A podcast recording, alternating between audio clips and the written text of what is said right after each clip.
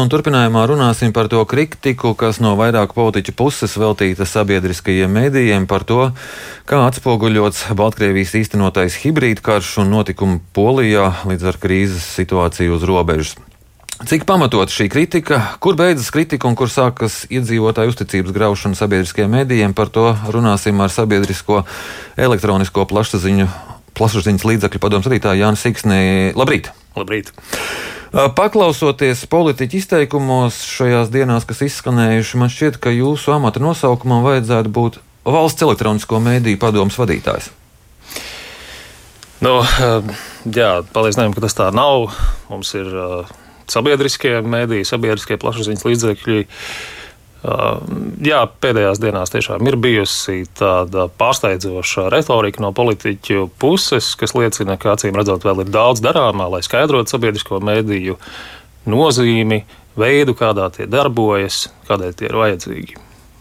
Tā tad varam teikt, rubrika mazajiem par zvēriņiem, bet sabiedriskie mediji saņem naudu no valsts.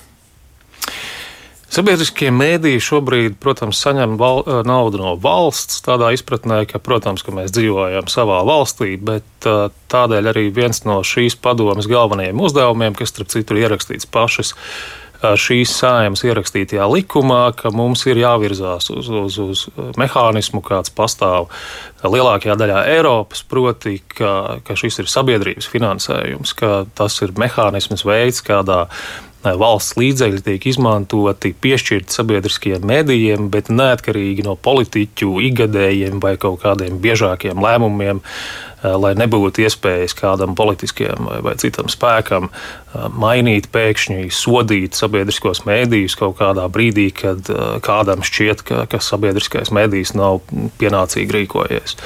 Nu, tas, es domāju, ka ir, es, es teiktu, galvenais, manuprāt, šīs padomas uzdevums - pārliecināt lēmumu pieņēmējus, pārliecināt sabiedrību, diskutēt par to, lai, lai, lai tiktu pieņemts jā, attiecīgā Apple pārvaldības likuma pārējais noteikumu lēmumu punkts par to, ka uh, ir jāizveido mehānisms, kas piecu gadu laikā uh, nodrošinās Eiropas uh, vidējam līmenim atbilstošu un galvenais neatkarīgu finansējumu sistēmu. Kāds ir iespējams? Uh, nu, tas ir mūsu uzdevums šobrīd, līdz februārim, uh, aprakstīt veidu koncepcijā, kā tieši to panākt. Bet uh, nu, veidi ir dažādi Eiropā, kā tas darbojās tajās valstīs, kas ir bijušas augstākā kara laikā. Viņi pēc dzelzceļa priekškaram to ir tradicionāli darījuši ar abonentu maksu sistēmu, kas šobrīd tiek pārveidota dažās valstīs par, par dažādiem nodevu maksājumiem. Kad vēsturiski tas bija veids, kad katram, kuram mājās ir radio vai, vai televizors, tad attiecīgi maksā. Šobrīd virzās vairāk uz to, ka, ka šāds maksājums tiek, tiek iezīmēts kādā veidā, vai nu kā, kā daļa no nodokļu ieņēmumiem, kas tiek īpaši pārdalīti sabiedriskajiem medijiem. Parasti ir kāds, kāds veids, ka, ka tas ir iezīmēts noteikti ilgākā laika posmā, lai tas nebūtu kā šobrīd ir Latvijā. Un arī, diemžēl, citās valstīs, ka katru gadu uh, ir, ir, ir sarežģītas garas diskusijas par to sabiedriskajiem mēdījiem, sabiedrisko mēdīju uzraugam, ir, ir jāiet uh, pie politiķiem, jārunā, brīžiem tiešām gandrīz jālūdzās par to, lai tiktu piešķirtas nu, tādas elementāras lietas, piemēram, infrastruktūras, degošu lietu sakārtošanai. Tas ir, ir viena no lietām, kas Latvijā ir jāsakārto. Mēs esam tiešām šīs sēmas laikā pavirzījušies ļoti nopietni uz priekšu ar, ar atsevišķu beidzot sabiedrisko mēdīju pārvaldības likumu pieņemšanu, ar šīs sabiedrisko mēdīju padomus izveidošanu, bet ir lietas, kas mums vēl ir, ir jāizdara līdz galam. Bet šī kritika, kas šajās dienās ir izskanējusi, cik tā ir bijusi pamatota? Nu, te man uzreiz ir jāsaka, ka sabiedriskā mediju padome nevar, nedrīkst kaut kādā veidā iejaukties sabiedrisko mediju satura veidošanā, redakcionālo lēmumu arī es teiktu komentēšanā, bet tie, nu, mēs arī esam saņēmuši padomē konkrēti vienu iesniegumu, kur ir norādīti nu, sabiedrisko mēdīju saturā bijušas lietas, kas, kas kādam ir šķitušas nepieņemamas. Nu, es pilnīgi noteikti varētu teikt, ka tas ir kaut kas no konteksta izrauts, kaut kādi atsevišķi fragmenti no, no, no sabiedrisko mēdīju veidotiem materiāliem, kas, manuprāt, šķiet absolūti manipulatīvi un vispār nevarētu tikt nu, normāli vērtēti. Nevarētu būt pamats kādam vērtējumam un izdarīt kādus tālējošus secinājumus par to, vai ir bijis labs vai slikts darbs. Līdz ar to nu, es, es uzskatu, ka Bet, bet tajā pašā laikā Saimnes cilvēktiesību un sabiedrisko lietu komisijas vadītājs Artus Kaimiņš uzskatīja, ka par šo jautājumu jāsasauc īpaša komisijas sēde. Jā. Šī sēde bija. Nē, es uzskatu, ka šāda sēde nav bijusi. Es ceru, ka tāda arī nebūs. Es, es arī, protams, redzēju šo, šo kaimiņu kunga ierakstu Twitterī, kas, kas šķita satraucošs, jo, protams, ikvienam uh, ir tiesības uh, izteikt viedokli par sabiedrisko mediju darbu, rakstīt vēstules, uh, visādi savādāk, kritizēt, bet pilnīgi cita lieta ir tad, ja uh, sājums konkrētās par, par nozara atbildīgās komisijas vadītājs gatavojas sasaukt sēdi par, par, par skaidri redzami redakcionāliem jautājumiem. Un to nu arī minētais, iepriekš minētais likums skaidri pasaka, ka sabiedriskie mēdīji ir, ir brīvi no jebkādas politiskas, ekonomiskas vai citu interešu grupu ietekmes, un, un valsts pienākums ir nodrošināt sabiedrisko mediju neatkarību. Un šajā gadījumā, protams, to ir grūti uztvert savādāk, kā, kā tikai kā mēģinājumu izdarīt spiedienu uz veselā politiku. Bet vakar bija sēde. Aizvakar, trešdien bija sēde, bet tā bija savādāk. Tā jau bija iepriekš plānota sēde, kurā mēs, nu, jaunā padome, ziņojām par to, ko esam izdarījuši līdz šim. Nu, un par šiem jautājumiem nerunājām?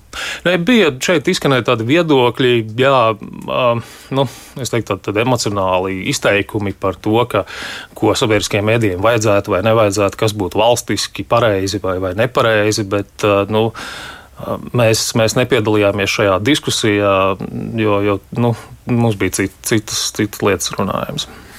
Bet e, šie emocionālie viedokļi un publiski paustais par to, ka jāsasauc īpašas sēdes, tas ir uzskatāms par iejaukšanos. Es domāju, jā, ka šis šāds paziņojums ir uzskatāms par vismaz mēģinājumu iejaukties, mēģinājumu izdarīt spiedienu, kas, protams, nav pieļaujami. Uh, nu, vakar skatījos panorāmas sižetu, kurā kaimiņu kungs teica, ka nekādas uh, izsaukšanas uz paklāja, viņa citējot, uh, nenotiks un nekāda atgriešanās padomju savienībā, kā viņš teica, nenotiks. Nu, uh, es ceru, ka tāds arī paliks un, un ka tā ir tā patiesā nostāja un ka tas ir bijis nezinu, kaut kādu iemeslu dēļ tāds uh, izraisīts emocionāls izvirdums. Bet arī tas, protams, ar šādiem ne, nevajadzētu būt. Tie jebkurā gadījumā atstāja kādu ietekmi. Uh, un, un, un, un potenciāli negatīvu iespēju. Nu jā, pieņemsim. Uh... Deputāta Beitnere Galā izteicās, ka um, sabiedriskajiem mēdījiem ir jāpauž ārpolitikas jautājumos mūsu valdības izmantotie termini un attieksme. Mums ir jāpauž tā uh, ārpolitikas attieksme, tāda kāda mums valstī ir noteikta. Es te uzreiz piebildīšu, ka. Mm, ārlietu ministrs gan par šo izteicās, ka jāliek mierā ir žurnālisti, gan tos, kurus veido reportāžus, gan tie, kur raksta feļetonus politiķiem, esot citi nopietnāki darbi. Kā tad ir ar šo attieksmes paušanu? Es, es tiešām teikšu, godīgi, nelīdz galam saprotu, ko, ko deputāti gribēja ar to pateikt. Sabiedriskajiem mēdījiem jādara viņa darbs, ir, ir objektīvi, daudzpusīgi, ievērojot visus, visus labākos žurnālistikas standartus. Ir jādara savs darbs, proti, jāziņo par, par to, jāinformē par to, kas notiek Latvijā un pasaulē, iesaistot maksimāli plašu sabiedrības loku. Un, un es ceru, ka tāds arī paliks. Mm -hmm. Bet uh, viss šis ļoti atgādina tieši to, kas notika pirms šīs saimnes vēlēšanām. Vai tas liecina par uh, saimnes vēlēšanu tuvošanos? Un atkal tieši to pašu metožu izmantošanu savas popularitātes gūšanai? Man ir grūti pateikt. Es ceru, ka nē, kā jau es teicu, manuprāt, šī sēma ir padarījusi lielu darbu, pieņemot attiecīgo sabiedrisko mediju likumu. Es uzskatu, ka februārī būs tāds patiesības brīdis, ja tā var teikt. Tas būs tas brīdis, kad mēs kā padome tiešām nopietni atskaitīsimies par savu darbu, varēs vērtēt mūsu darbu, iesniedzot mūsu minētās koncepcijas par, par vienotā mēdīju veidošanu, par, par sabiedrisko mēdīju finansēšanas sistēmu. Uh, es ceru, ka uz to laiku mums būs arī ombuds, uh, un, un no, savukārt, ko es sagaidu no politiķa puses, ka tas būs tāds patiesības brīdis, kad uh, viņiem būs jāparāda, cik viņi ir gatavi izdarīt līdz galam to iesākto darbu. Tātad lemjot par vienoto sabiedrisko mēdīju, un galvenais vien, lemjot par stabilu, neatkarīgu, pietiekamu finansējumu mehānismu sabiedriskajiem mēdījiem. Mm -hmm. Daži gan par šo sašutumu izsaka, ka sabiedrisko mēdīju sašutumu izsakās, ka sabiedriskie mēdīji pozicionē sevi tā, ka viņus nedrīkst kritizēt. Kā mē, sabiedriskos mēdījus būtu jākritizē un uzraudzīt kvalitāti? Sabiedriskos mēdījus kritizēt var un vajag ikvienam. Tas tikai ir vajadzīgs, lai, lai mēdīji nezaudētu savu kvalitāti, lai lai, lai, lai, lai būtu pēc iespējas augstvērtīgāks saturs. Bet jau šobrīd, es domāju, ik viens var vērsties pašos mēdījos. Mēdījos ir ētikas padomas savs, kas izskata šādus jautājumus. Ir Latvijas, Latvijas mēdīju ētikas padome, kas arī ir jau izskatījusi līdz šim jau konkrētas sūdzības par sabiedrisko mēdīju darbu. Bet, nu, kā jau teicu, jā, mēs tiešām liekam liels cerības uz jaunajā likumā paredzēto ombudu, kuram vajadzētu šo diskusiju uzturēt jau tādā daudz, daudz kvalitatīvākā ilgtermiņa perspektīvā perspektīvā. Man jāsaka paldies par šo sarunu. Atgādini, mūsu studijā bija sabiedrisko elektronisko plašsaziņas līdzakļu padomus vadītājs Jānis Siksnis. Paldies! Paldies!